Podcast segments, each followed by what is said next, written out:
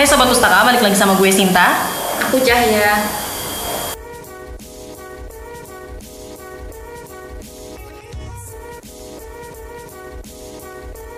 Kali ini kita kedatangan tamu dari teman-teman jurusan perpustakaan. Tema kita kali ini apa sih yang menarik dari jurusan perpustakaan gitu. Nah kemarin kita kan udah bahas soal YBPI, YBPI. begitu. Nah ini ada tim YBPI juga mereka dan mereka jurusan perpustakaan. Boleh mereka kenalan sih? Oke, boleh langsung kenalan. Di sini ada siapa aja, nama, umur, sama status mungkin. Kalau media sosial nanti di akhir aja. Nah, Di akhir aja buat promosi diri kalian sendiri. Boleh. Eh, nama gue Yasin, eh, umur baru 24, status belum menikah. Oke Nah, terus IG boleh di follow Ahmad Yasin 27. Oke Selanjutnya Oke, perkenalkan nama saya Cahyo. Umur saya masih muda, 17 tahun. Status saya terakreditasi A. Beda ya emang kalau anak perpustakaan ya Selanjutnya Oke, nama saya Rian, umur sama semua sih 24. Oh iya, angkatan berapa nih? 95 ya? Angkatan 95, 95. Terus eh, hampir sama saudara saya sih si Cahyo. Akreditasi A juga Oke Hmm, mereka udah kenalan nih sih. Mm-mm. Mereka semua dari jurusan ilmu perpustakaan ya. Iya, ilmu perpustakaan. Ilmu perpustakaan. Ilmu informasi dan perpustakaan. Oh, iya. Oh, perlu ditambahin oke. Boleh disebutin kampusnya? Ah, Mau dari kakak Yasin Ya, saya dari UI. Oh, dari Oh iya, anak UI lagi viral-viral, tapi beda ya nih Beda. sobat pustaka, Iya. beda. Eh, jangan disamaratakan lah. Yang pokoknya. viral itu kemarin ya? Yang lagi Beda. viral itu ya? Beda. Jangan-jangan panik-panikan. beda. orang itu. Oh, ternyata beda-beda. Oh, iya. Beda-beda. Beda sobat Kalau pustaka. si Yasin dari UI, Cahyo dari Kalau saya dari UNAIR, Universitas Airlangga, Erlangga. Surabaya. Oke, Surabaya. Yang satunya Sama juga dari Unair. eh, satu angkatan nih berarti nih, Iya, Cahyo dan satu Is. angkatan. Satu kelas. Oh, Satu oh, dosen bimbing gila, gila. Iya. Hmm, jurusan ilmu perpustakaan. Terus nih alasannya lo milih jurusan perpustakaan tuh kenapa sih? Misal lo itu milih perpustakaan tuh karena Karena apa? Karena apa? Kan kan banyak nih ya alasannya. Awalnya tuh lo milih perpustakaan tuh di pilihan pertama kah? Atau sebenarnya tuh perpustakaan tuh bukan pilihan pertama lo nih? Siapa dulu mau jawab nih? Silakan, silakan, silakan dulu. Saya dulu deh, Hah? saya, dulu yang jawab. Oke. Oke. Jadi sebenarnya untuk eh, proses untuk mencapai kuliah, atau eh, secara- eh, gimana ya? Maksudnya ketika mau kuliah dalam menentukan jurusan itu prosesnya panjang banget. Mm-mm.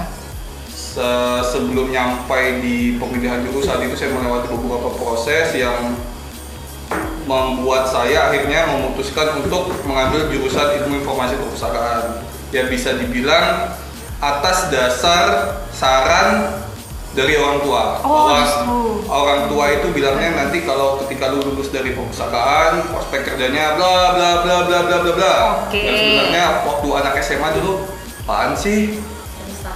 Ah. Pesan apaan sih? Tapi orang tua meyakinkan bahwa prospek kerjanya bagus. Akhirnya ya udah ngikutin alur aja sampai sekarang lulus. Karena orang tua nih Cahyo berarti. Direkomendasikan ya. Oh. Oke, direkomendasikan.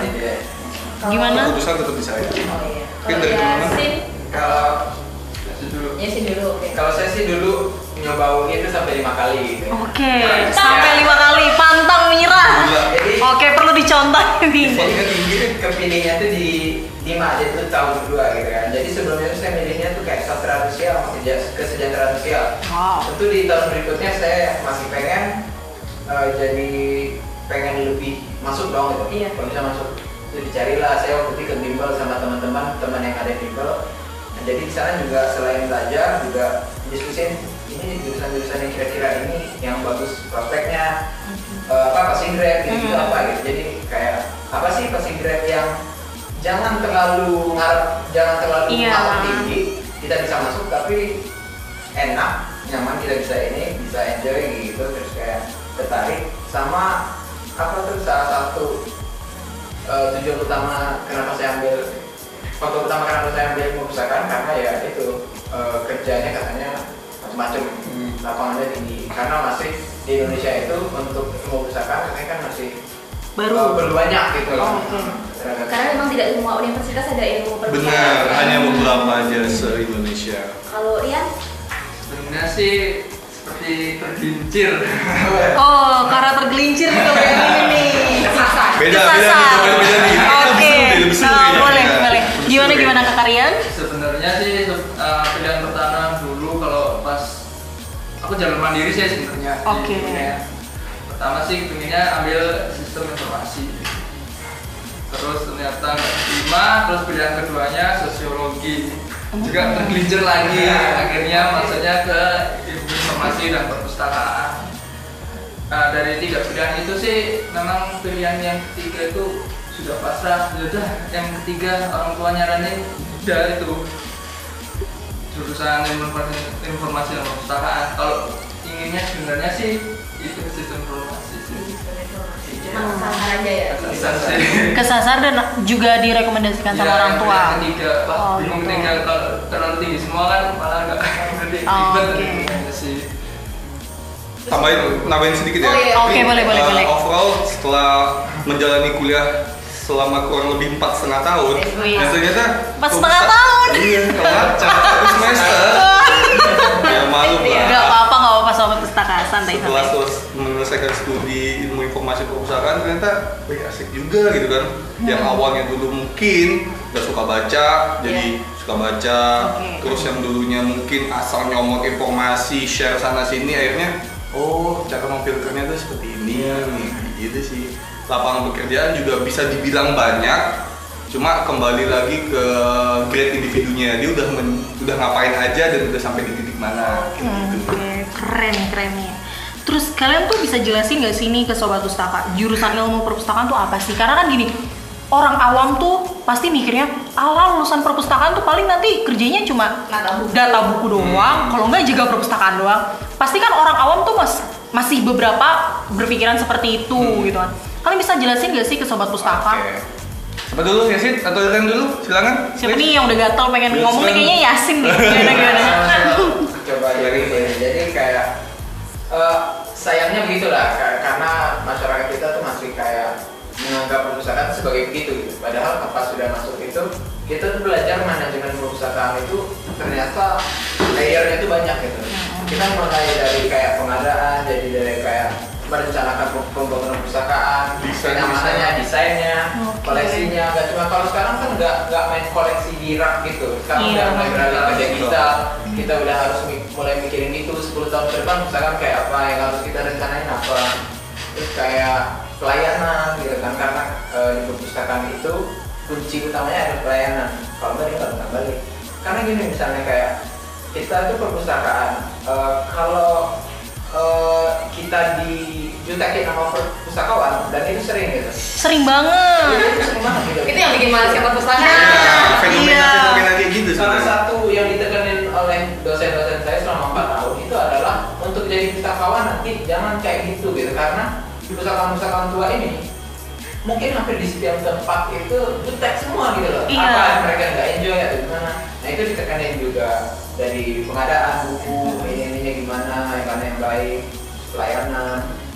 Terus eh, arsip juga saya diajarin jadi nggak cuma perpustakaan karena juga bidang-bidang lain yang terkait tentang perpustakaan itu juga perlu dipelajarin di juga di web buat web Jangan- Kalau di UI sendiri tuh eh, ilmu perpustakaan tuh masuk di fakultas apa gitu atau ada jus khusus sendiri untuk dia masuk perpustakaan? ilmu pengetahuan budaya karena Oh gitu. eh, fokusnya itu lebih budaya gitu Oh jadi berarti kalau yang di UI ini tuh fokusnya tuh beda lagi gitu. Iya, dia lebih ke eh, manusia dan budaya gitu perpustakaannya Oh gitu. Karena kan yang saya udah searching-searching tuh ternyata tuh setiap kampus tuh beda-beda Iya, perpustakaannya. iya. Mm, jadi tuh ada yang masuk di ilmu komunikasi. Iya. Jadi mereka juga belajar tentang komunikasinya itu seperti apa. Terus kalau di UNER sendiri mau jawab nih?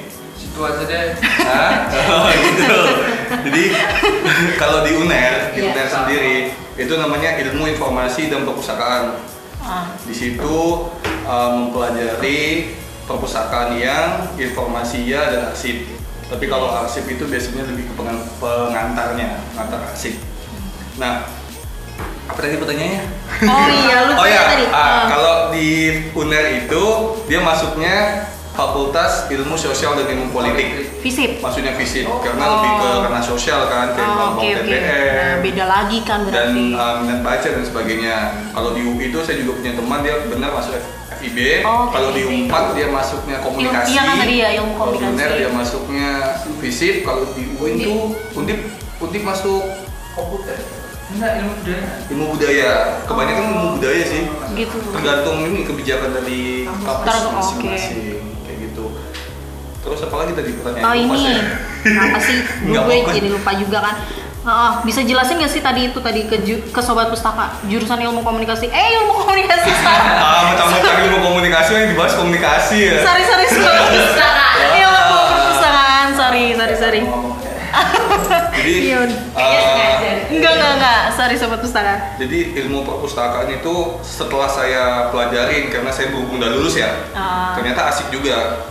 Asiknya tuh dalam artian gini, ketika lu masuk dari semester 1 sampai semester 7 itu sebenarnya bisa memilih peminatan. Oh gitu. Lu bisa eh, berfokus kepada perpustakaannya atau berfokus kepada IT-nya, berfokus kepada arsip Ya. Apakah bisa sama satunya apa ya?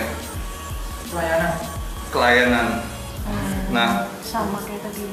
kalau di UNER sendiri itu, mungkin kalau di kampus-kampus lain ada beberapa mata kuliah itu modelnya paketan. Jadi semester satu lu ambil ini, semester dua. Iya. Kalau di UNER itu bebas. Makanya gue bisa bilang, eh sorry saya bisa bilang bahwa itu Bebas bebas saya Oh, gue bebas. mau pakai gu, lo gue atau saya? Enaknya, Oh, ya, enaknya. oke. bebas bebas Ah, bebas. Jadi kalau di UNER itu karena mata kuliahnya bebas itu tadi lu bisa milih sesuai dengan apa yang lu pengen. Hmm. Nah, selama perkuliahan juga problemnya adalah ketika perpustakaan itu dianggap remeh sama orang-orang atau dianggap sebelah mata. Eh, apa sih perpustakaan? Ngapain sih lu ke perpustakaan? Ya. Dan pustaka-pustakawannya itu eh, gimana? Gue ngomongnya juga nggak enak sih. Maksudnya ada beberapa yang mas, ada beberapa yang masih menggunakan kacamata kuda. Kayak dia tuh nggak mau melihat ini tuh udah tahun kapan, generasi kapan harusnya tuh kacamata kuda itu dilepas eh, out of the box lah istilahnya. Tapi itu ada beberapa yang masih gue pokoknya harus monoton kayak gini gitu. Nah, eh, ilmu-ilmu selama kuliah perpustakaan itu jadi lu harus bisa buat inovasi gimana caranya promosi layanan yang baik kayak eh, masih asik jelasin tadi kayak gitu sih asik kok aslinya asik apalagi kayak bangun TBM Nah, kayak gitu jadi lu langsung bersentuhan sama orang yang di bawah kayak gitu ya sosial tadi sih Kalau menurut Rian nih gimana? Kalau aku sih memang kalau perpustakaan biasanya tentang buku dan sebagainya sih. Kalau aku dulu sih uh, minatnya ke bagian IT-nya sih. Oh. Kalau membuat slimnya kayak terus mengembangkan SAM sama aplikasinya banyak lah. Enggak enggak melulu belajar arsip atau apa pelayanan gitu enggak sih. Jadi materi kayak program. Ada ada ada materi kayak Hmm. program. ada Jadi tergantung kalian itu sejak sejak di semester berapa sih pem- peminatannya ini? kalau di semester 1 dia eh, mata kuliahnya paketan semester 2 itu yang 2 sampai 7 itu yang free. Maksudnya di UNER itu ada tiga klasifikasi dalam pemilihan eh, sorry mata kuliah Mata kuliah. mata kuliah wajib yang harus diturutin dan harus diselesaikan selama selama 4 tahun Iya. mata kuliah terbatas dan mata kuliah bebas. Pokoknya dari ketiga jumlah itu harus mencapai 144 SKS. Untuk standar S1 semuanya sama lah kayaknya 144. Mungkin bisa jadi gambaran teman-teman yang mau ini ya mau masa mau memilih jurusan perpustakaan kayak gitu. Iya. Terus gini, eh, menurut kalian kan kalian udah di udah sebenarnya udah di lulus dari ilmu per, Mm-mm. apa sih jurusan perpustakaan gitu. Eh, pandangan kalian tentang perpustakaan konvensional dengan perpustakaan digital itu kayak apa sih? Enggak. Maksudnya perspektif kalian Hmm. setelah kalian lulus dari eh, jurusan perpustakaan. Jadi perspektif soal perpustakaan konvensional dan perpustakaan digital atau ini pandangan kalian tentang apa pun itu. Tapi Eh, eh, saya pernah dengar gitu di suatu teori pas belajar. Iya. itu justru katanya 10 atau berapa tahun lagi tuh perpustakaan fisik itu udah hilang. Udah hilang. Udah nggak bakalan Di- tertarik lagi orang. Iya. udah bakalan hilang. Jadi sekarang konsep perpustakaan itu udah pasti hilang. Karena konsep bangunan perpustakaan itu udah udah nggak nggak zaman gitu. Udah nggak relevan ya? udah nggak relevan lagi gitu. Karena sekarang kita udah lihat eh, semacam ini ya permulaannya. Iya. Eh, sekarang juga orang udah mulai kayak duit aja udah mulai ekonomi ini udah Hmm. orang mulai mulai kayak ibu ini ini. Orang udah malas gitu loh kak. Gua harus gini malah harus ke perpustakaan jalan lagi.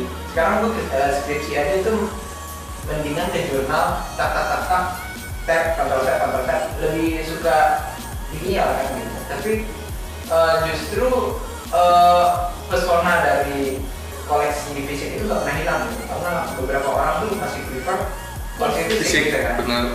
Eh, jadi gini kalau menurut gue sih idealnya itu adalah tetap ada perpustakaan fisik gitu.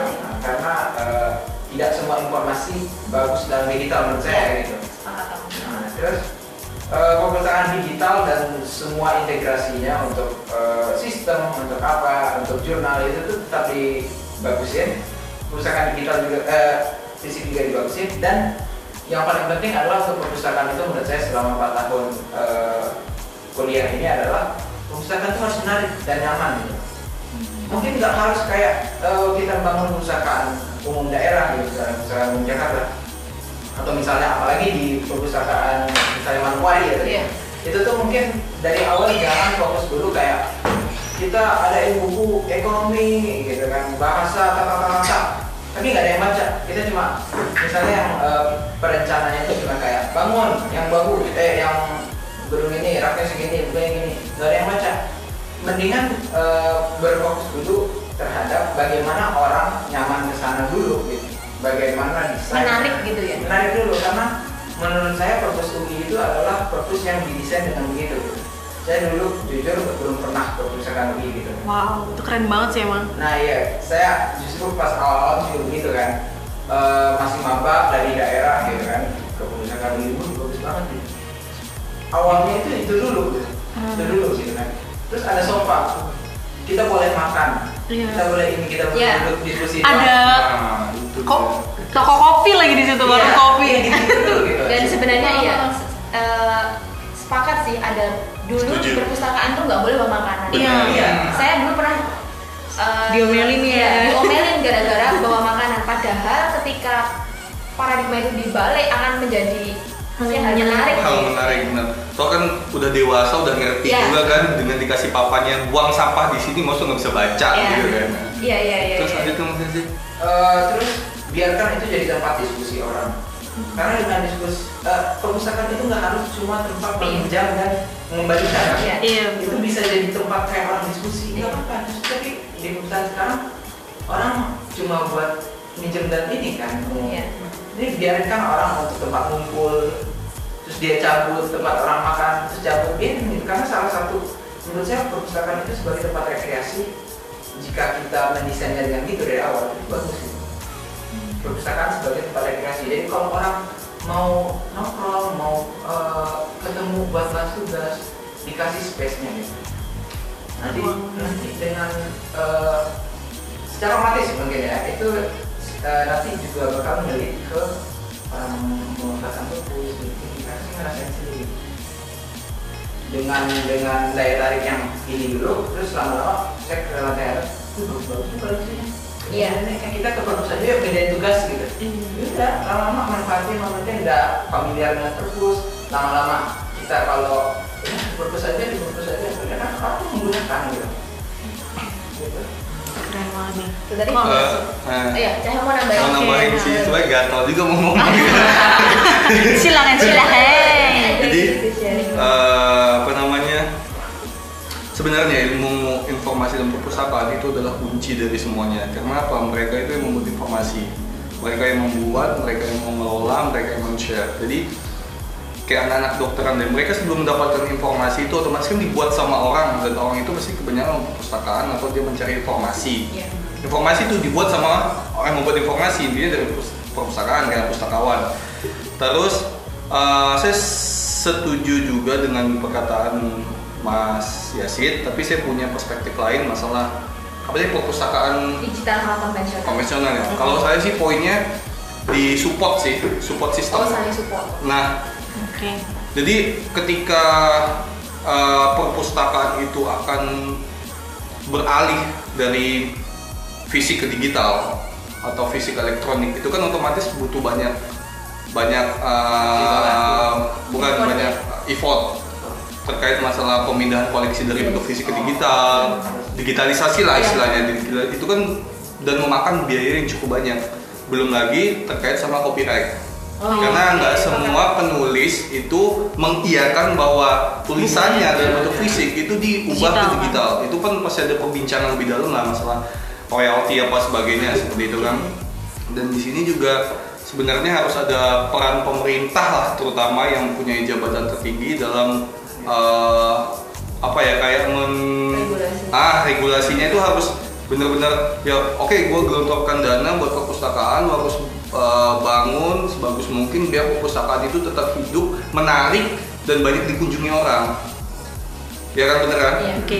soalnya eh, apa ya kayak segitiga tertingginya itu nanti larinya ke minat baca dan literasi. Kalau itu emang benar udah dimaksimalkan. Jadi peran pemerintah juga di sini penting kalau menurut gua. Dan juga eh, di dalam perpustakaan itu seharusnya dibuat semenarik mungkin yang seperti Mas Yasin ngomong tadi misalnya yang dulunya nggak boleh makan Iya. minum harus boleh makan minum. Nggak bahkan ngobrol ya. ah, bahkan harus di- difasilitasi kayak Starbucks kayak masukkan Iya. situ juga bisa Udah ya. Nah, mungkin Wi udah kan atau jajan-jajanan lain dengan dengan catatan harus sampahnya harus dibuang Iya. pada tempatnya dan sebagainya sebagainya lah. Bahkan juga eh, perpustakaan itu identik dengan nggak boleh ribut, Iya. Ah, itu bener banget. ya kan? Jadi seharusnya saya pernah saya waktu ke Singapura kemarin asik. Iya, asik. saya kan ke Orchard Library. Mereka itu menyediakan kayak eh, ruang dis- diskus khusus yang itu boleh ribut Iya. sama si co-working. Apa sih buat meeting-meeting orang? Iya. Jadi orang bisa duduk Kayak bebas, ah kayak gitu dan itu free. Iya. Harusnya perpustakaan di Indonesia harusnya me- Menerapkan hal ah, serupa menerapkan hal gitu. seperti itu juga. Soalnya kan ketika identik dengan ayo rapat yuk di mana di perpus kalau kita nggak boleh ribut nah kalau kita menjemput bola dengan memfasilitasi itu otomatis Iya. kan ya di perpustakaan ini aja yuk asik kayaknya Gratis. boleh Iya, gratis lagi boleh ribut lagi ya atau mungkin ditambahkan kayak snack-snack minuman dengan dengan bayar sepuluh ribu, lima ribu kan udah Iya. itu Hmm. salah satu daya tarik perpustakaan juga kan seperti itu Mungkin juga ada pergeseran ya. Sebenarnya kayak tadi eh, yang disampaikan Cahyo ada support system, jadi nggak harus memisahkan antara konvensional Benar. tidak sendiri, tapi saling mensupport. saling mensupport karena koleksi fisik itu nggak bisa semena nggak bisa semena dimusnahkan dan diganti digital jadi Oke. digital tetap ada fisik juga. fisik juga ada karena untuk eh, apa namanya pengamanan dari buku-buku digital atau digitalisasi itu juga ribet karena harus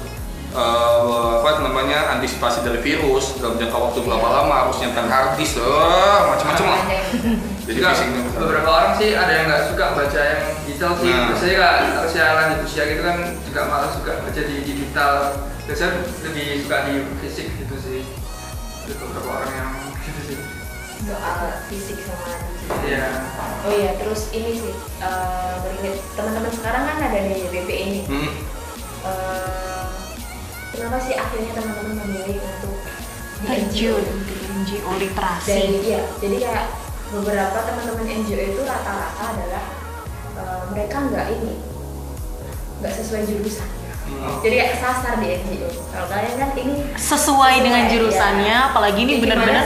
NGO sampai literasi kalian gitu. akhirnya sampai di NGO literasi.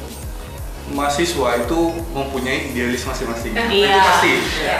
ketika dia mungkin dari dia SMA masuk ke perkuliahan itu belum ada idealisnya. Tapi ketika selama perkuliahan dan lepas dari perkuliahan itu pasti mereka punya idealis masing-masing.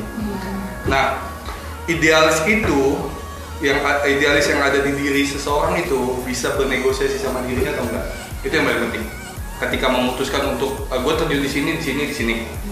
Ketika itu bisa bernegosiasi ya udah lu jalanin itu pasti enjoy begitu juga kayak kayak gue pribadi. Oh ya, ini ini pribadi- Menurut pandangan pribadi ya, jadi sobat kan, pustaka. jadi, ya. jadi gue kuliah jurusan ilmu infor- informasi dan perpustakaan. Banyak teman-teman gue itu yang nggak sesuai eh, kerja yang nggak sesuai sama jurusan. Kebanyakan itu bank.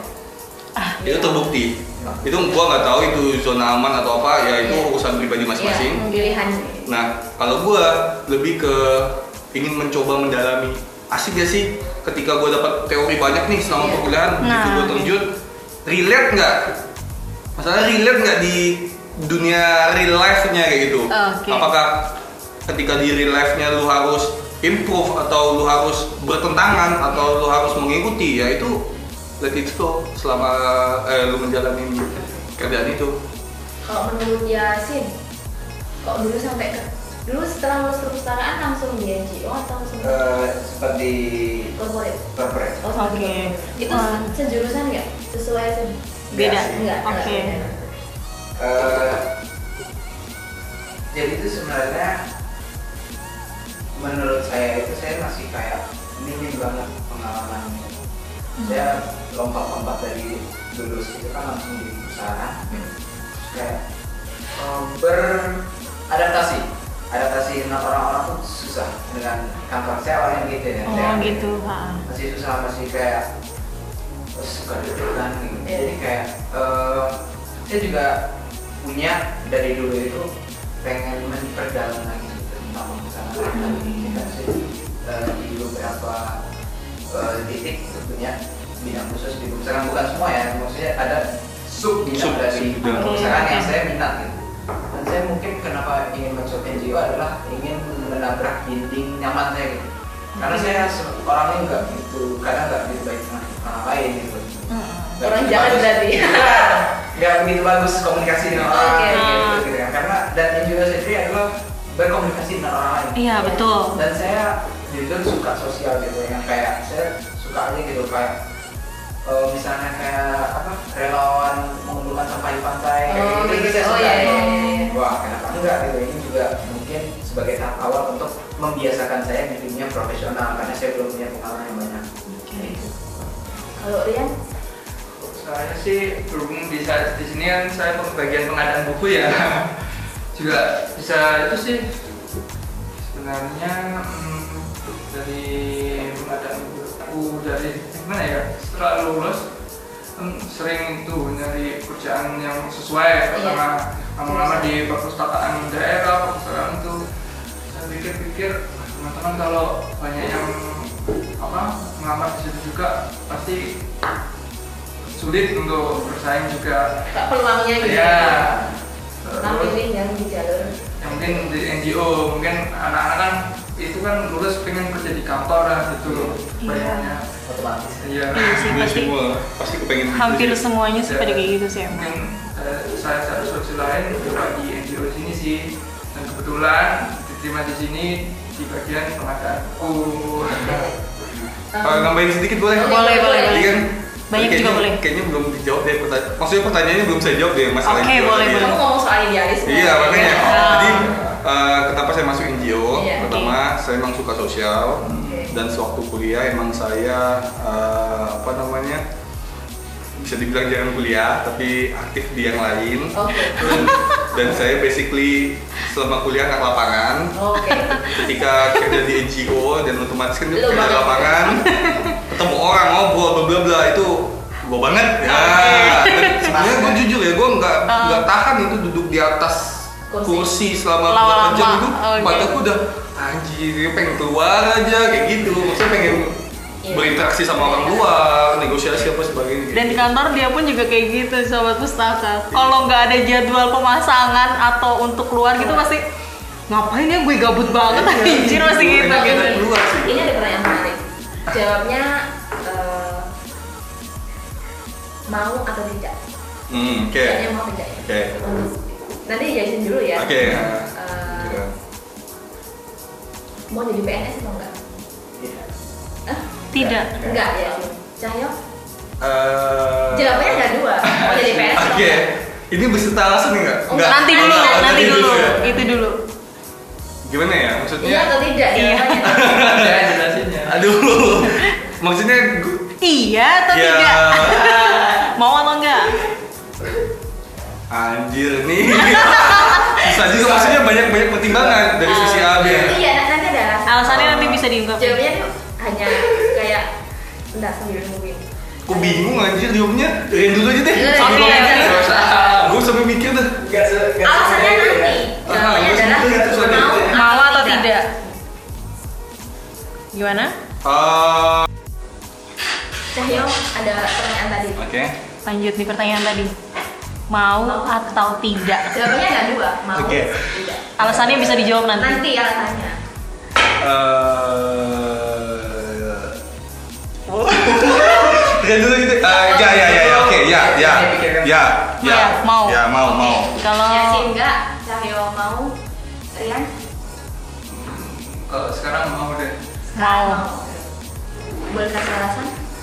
Itu lebih ke soal rencana masa depan gitu. Yes. Nah, jadi saya kurang prefer untuk berkomitmen panjang di suatu perusahaan Oke. berkontrak berapa lima tahun kontrak 10 tahun kontrak saya kayaknya kurang prefer Kita nggak akan mendi- eh, mendiskriminasi sebuah profesi. Iya. ya. Hmm. pandangan Tidak uh, tidak menjelekkan hanya Tidak, ya. Mm. Ini tadi kan karena si Yasin memang dia tidak bisa berkomitmen lama, wis. Tidak bisa berkomitmen lama. Waduh gimana nanti kalau berhubung? oh itu lain ya Oh, Iya, itu oke. Ya? Ya, eh ianya tuh gini. Ketika ini kan keter- keterkaitan sama dunia fokus ya. Iya, perusahaan. Ketika lu masuk di dalam sebuah institusi lembaga, misalnya eh, nggak bisa nggak boleh nyebutin ini ya nama Iya, lembaganya. maksudnya Ketika ke lu sebuah lembaga, ke sebuah lembaga dan lu misalnya ber- selama berproses mempunyai jabatan tertinggi, di situlah poin untuk mengubah paradigma perpustakaan, mensupport perpustakaan, membuat regulasi terutama tentang perpustakaan itu seperti apa. Makanya gue jawab ya.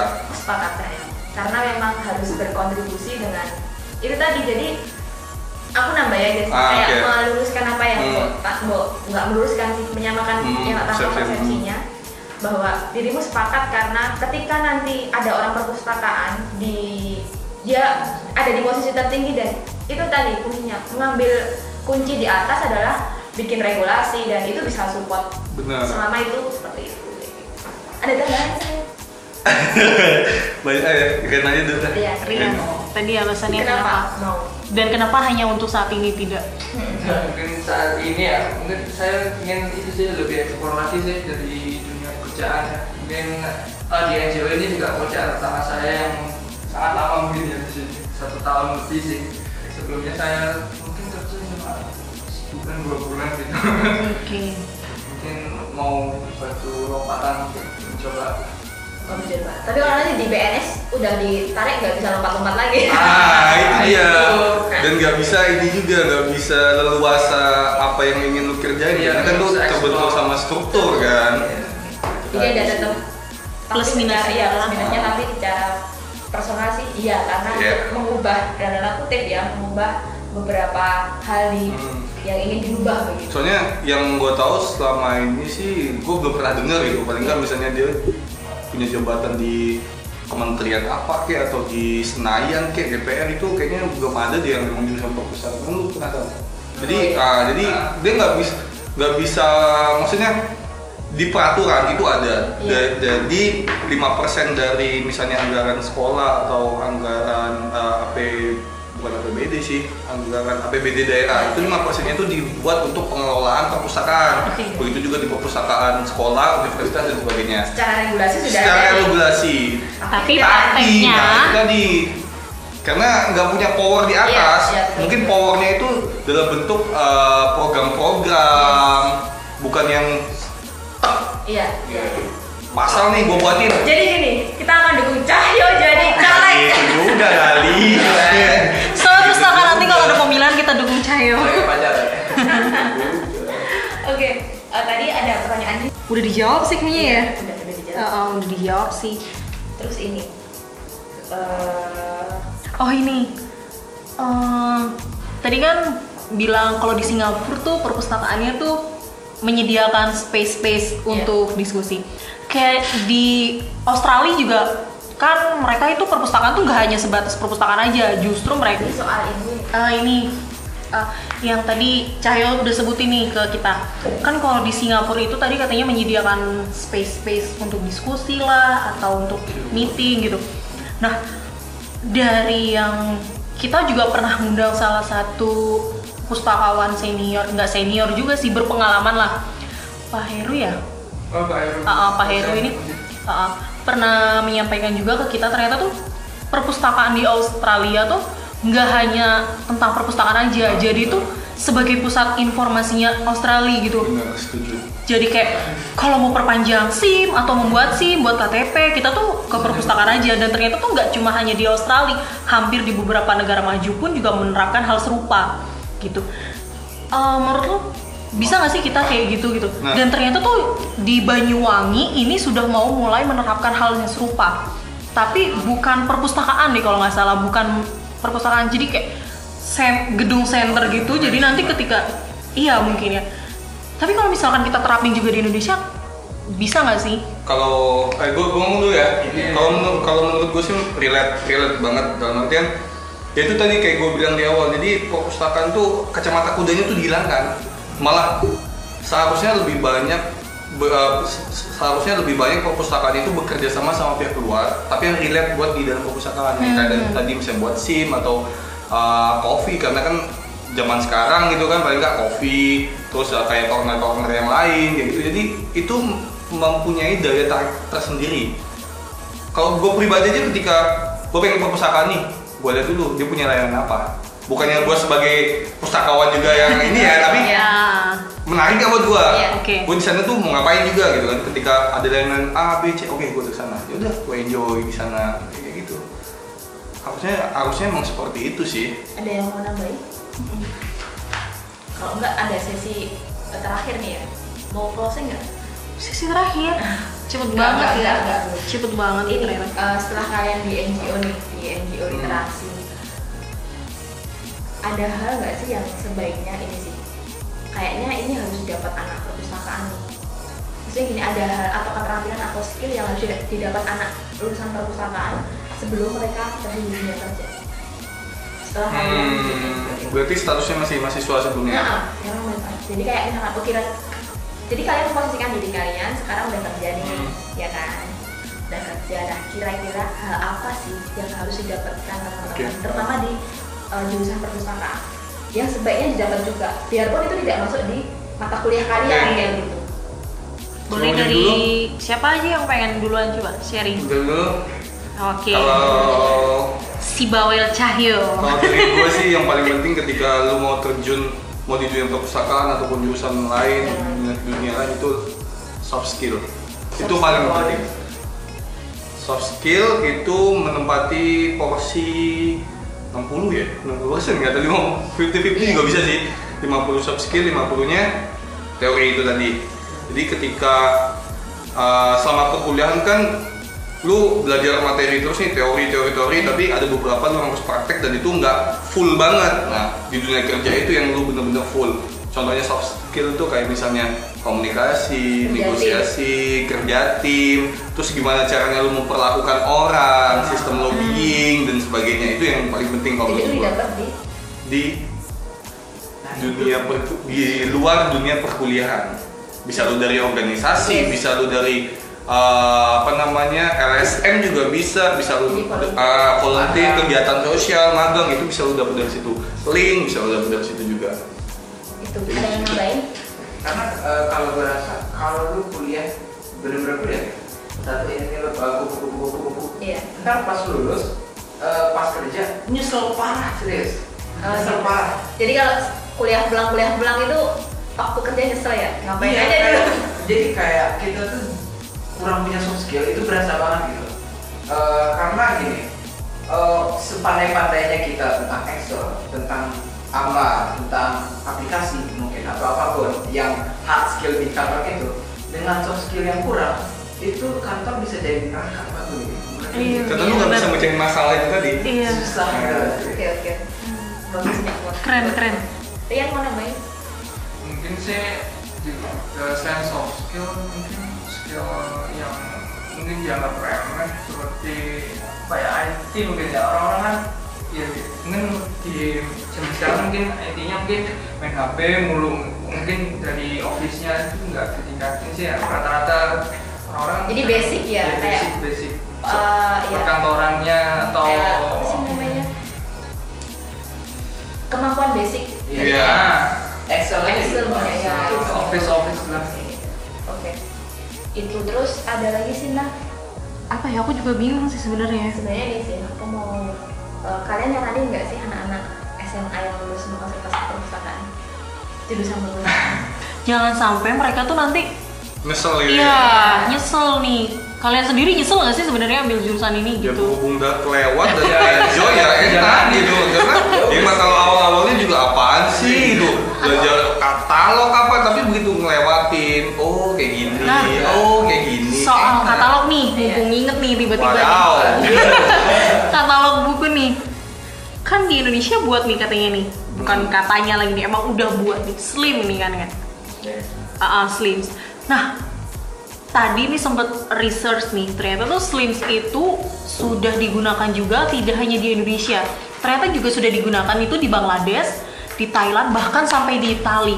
Go internasional ya Udah, berarti kan keren banget nih. Kalian sendiri belajar tentang slim nggak sih?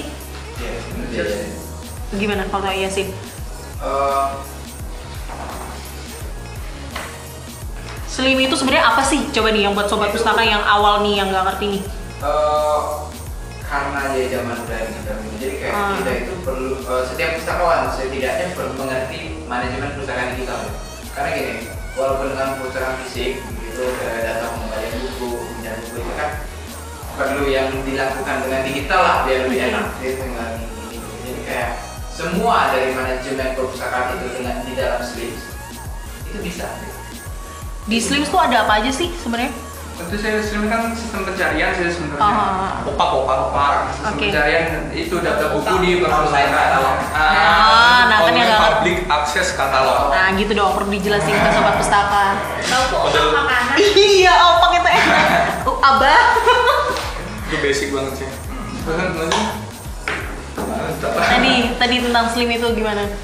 Ah, mungkin sini ya hampir sama kayak nginput di akun Facebook buat buatnya ngisi datanya sih kayak akun Facebook gitu sih sebenarnya ngisi data sebenarnya buku. memudahkan Iya. untuk teman-teman dari misalkan dari pempus- perpustakaan ataupun non pustaka Iya. untuk mencari ataupun Menemukan me- iya, kembali menemukan informasi. ya informasi yang ada di sebenarnya seperti itu poinnya tuh Poin. proses temu kembali Kembali informasi informasi. itu poin Ya, jadi. Jadi- dengan adanya opak itu tadi Iya. itu lebih memudahkan ketika lu nyimpen lu cari dan lu Iya. ambil memudahkan itu. itu ya nah slim itu eh, kenapa banyak dipakai sama orang karena itu sederhana banget jadi orang orang orang mana pun juga dengan belajar tuh pasti bisa kayak gitu dan slim juga dari katanya kan yang saya- apa tuh apa- sekarang delapan akasia ah, dan sebagainya kan dan juga uh, opak itu nggak hanya slim jadi banyak Oh, di setiap ah, Ada di apa aja sih selain slim? di setiap universitas atau instansi kadang mereka juga membuat sistem sendiri. Oh, gitu. kayak misalnya di ITB itu dia punyanya Ganesa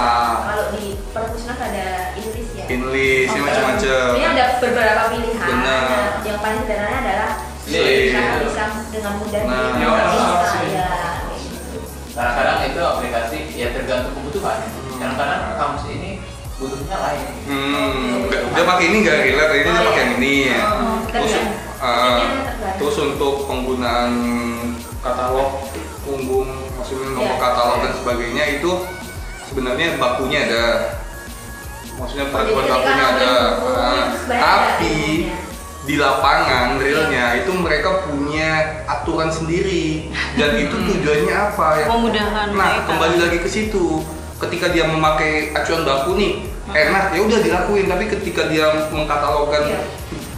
pakai acuan itu dan kayaknya agak sulit deh. Akhirnya gue buat ringkes deh. Ya udah dia pakai itu. Iya. tapi secara garis besar sama. Iya, sama garis besarnya eh, bayanganku ketika aku perpustakaan adalah ada kan yang labelnya ada warnanya. Iya. Dan ternyata itu ketika iseng-iseng nanya itu sebenarnya memudahkan untuk ketika Benar. menata ataupun mencari Benar. begitu ya. jadi itu nggak ada mutlak salah atau Oh, benar oke, itu nggak oke. ada kalau menurut gue pribadi Oh, ya iya, iya, mungkin iya. kalau pusaka-pusaka lain gue nggak tahu Oh iya.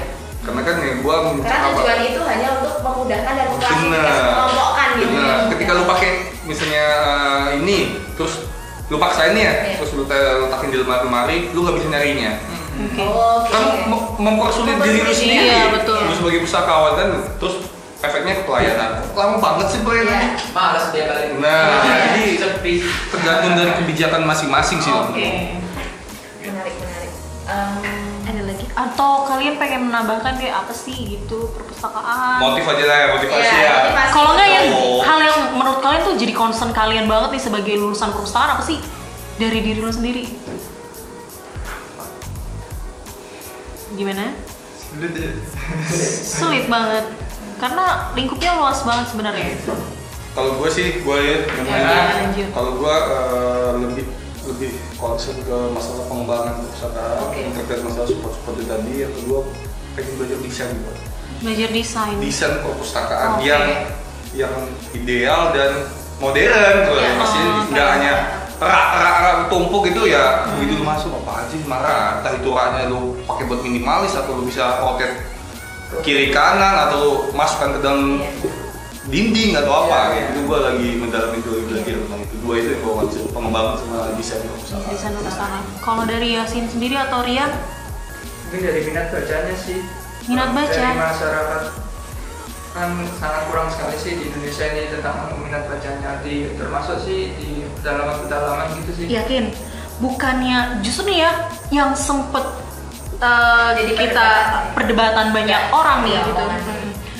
Sebenarnya tuh minat baca masyarakat Indonesia itu sebenarnya tinggi. Iya sebenarnya. Cuma katanya itu fasilitasnya. Oh, oh. support kan tadi itu Iya, Dari yang sudah dibahas kan. tadi itu minat bacanya itu tinggi karena beberapa kasus ini kan YPPI sendiri kan punya program nih. Ini pernah melakukan program tersebut di Anambas nih, Ah. di ujung sendiri nih Indonesia Ujung- berbatasan lah pokoknya udah mulai perbatasan ya, Mbak ya. Mereka tuh anaknya tuh antusias, antusias banget gitu kan. Setiap buku datang, mobil datang, mereka tuh ik- ikutan lari gitu ke mana mereka ngikutin. Berarti kan sebenarnya minat baca ini bisa dibilang sebenarnya tinggi atau memang bener minat bacanya yang rendah. Tapi Nah. mungkin itu bisa juga sebenarnya di masyarakat kota modern yang ini kali ya kalau minat bacanya rendah karena di sini itu kita sudah difasilitasi perpustakaan dekat terus buku-buku toko buku banyak terus e-book atau yang berbau digital tuh banyak tapi kita Nah, ogah-ogahan gitu kan Eh, boleh gue sangat sedikit ya Iya, boleh boleh Jadi, boleh gue sekarang lagi baca buku namanya Socrates Cafe. Oke. Di situ ada data yang menunjukkan bahwa minat baca yang ada di Indonesia itu mendapatkan grade dua dua dari dua dari bawah atau satu dari atas gitu. 63 apa 62 gitu dari seluruh minat dunia. ya? Ah, WHO. nah, itu gue lupa dari mananya. Ah. Nah mungkin yang eh, Mbak Sinta bilang itu lebih ke antusias Ah, ah, mungkin antusiasnya mereka dalam membaca itu tinggi. Tapi kembali lagi, mereka dikasih akses nggak? Mereka diberikan akses, Iya, betul. disupport nggak? Ketika itu disupport, mereka kan wah. iya ah. Tapi ketika mereka nggak mensupport, mereka menunggu. Aduh, kapan ya datang lagi? Iya. Iya. Sebenarnya Hal-hal kayak iya. gitu. Ada Pengembangan gitu. akses sih sebenarnya.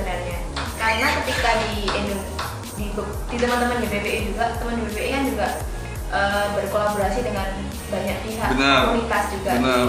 Dan sebenarnya eh, penelitian yang soal bukan penelitian yang, yang data menunjukkan bahwa Indonesia yang bacanya nomor dua dari bawah Hmm. itu disambah beberapa teman-teman Hmm. komunitas terutama ter- teman-teman pustaka bergerak. Hmm, hmm. Jadi teman-teman komunitas itu mereka memang menjemput bola, jadi Hmm. memberikan akses buku. Ketika sedangkan ketika dikatakan bahwa uh, minat baca uh, temen- uh, di Indonesia itu rendah, otomatis ketika didekatkan akses mereka nggak minat, mereka milih lebih ke yang lain, misalkan nggak mau Oh, oke. begitu.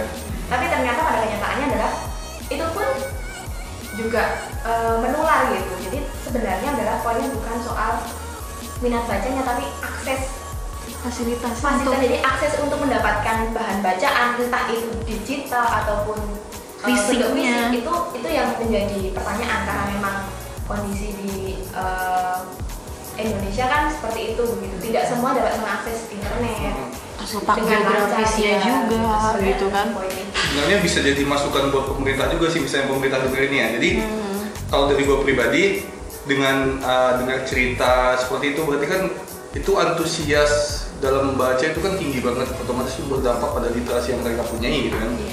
seharusnya mungkin pemerintah bisa mengakomodir itu dengan cara komunitas-komunitas ini dikumpulkan jadi satu entah itu mereka disupport uh, bisa berupa material atau non material buku atau duit yang uh, dalam artian berarti dalam artian gini berarti NGO atau komunitas itu benar-benar yang sosial jangan yang hanya orientasi money. Kadang kan Betul. ada beberapa yang wah gue dapat support nih. Iya. gue alihkan sedikit ya.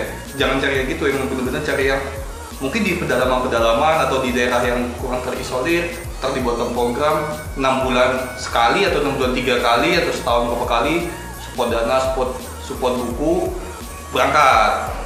Berangkat buka lapak, lapak baca ke atau malah bila perlu bangun perpustakaan. Kadang tuh Kayak gitu sih, sebenarnya harusnya. iya, menarik itu tapi sebe- eh, beberapa tempat adalah soal konsistensi ya agak Ya, benar sih. karena membangun itu Kontinu ya. iya beberapa oke membangun itu lebih lebih gampang ya, daripada harus iya, Iya, mempertahankan yang lama gitu. makanya di di IBPI juga kalau nggak salah ada sebuah ada ini ketika mereka mengajukan buku Donasi mereka buku. harus punya Oh. kegiatan dulu jadi Oke. bukan waktu membangun pertama jadi ketika mereka sudah punya kegiatan oh berarti ini sudah jalan gitu, baru di support Dan ternyata tuh yang minta buku ke YPP itu nggak cuma Jabodetabek atau misalkan Pulau Jawa. Indonesia. Iya. Ternyata tuh ya waktu itu tuh kita sempat ada yang minta buku donasi buku ke kita itu dari Manokwari.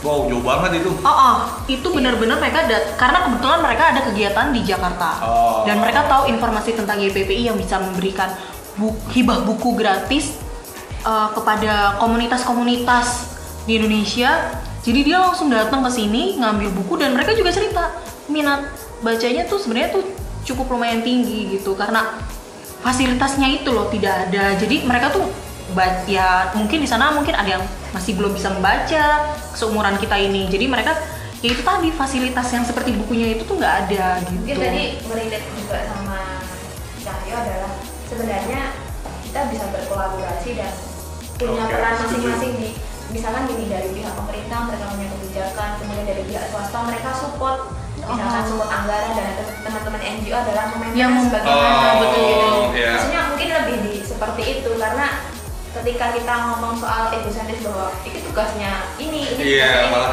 itu kita Nggak bakal kesentuh sih. sebenarnya kan jawab uh, ngerelatekan juga punya kan bahwa pemerintah juga punya peran teman-teman NGO punya peran dan teman-teman pihak swasta juga akan Punya punya peran peran.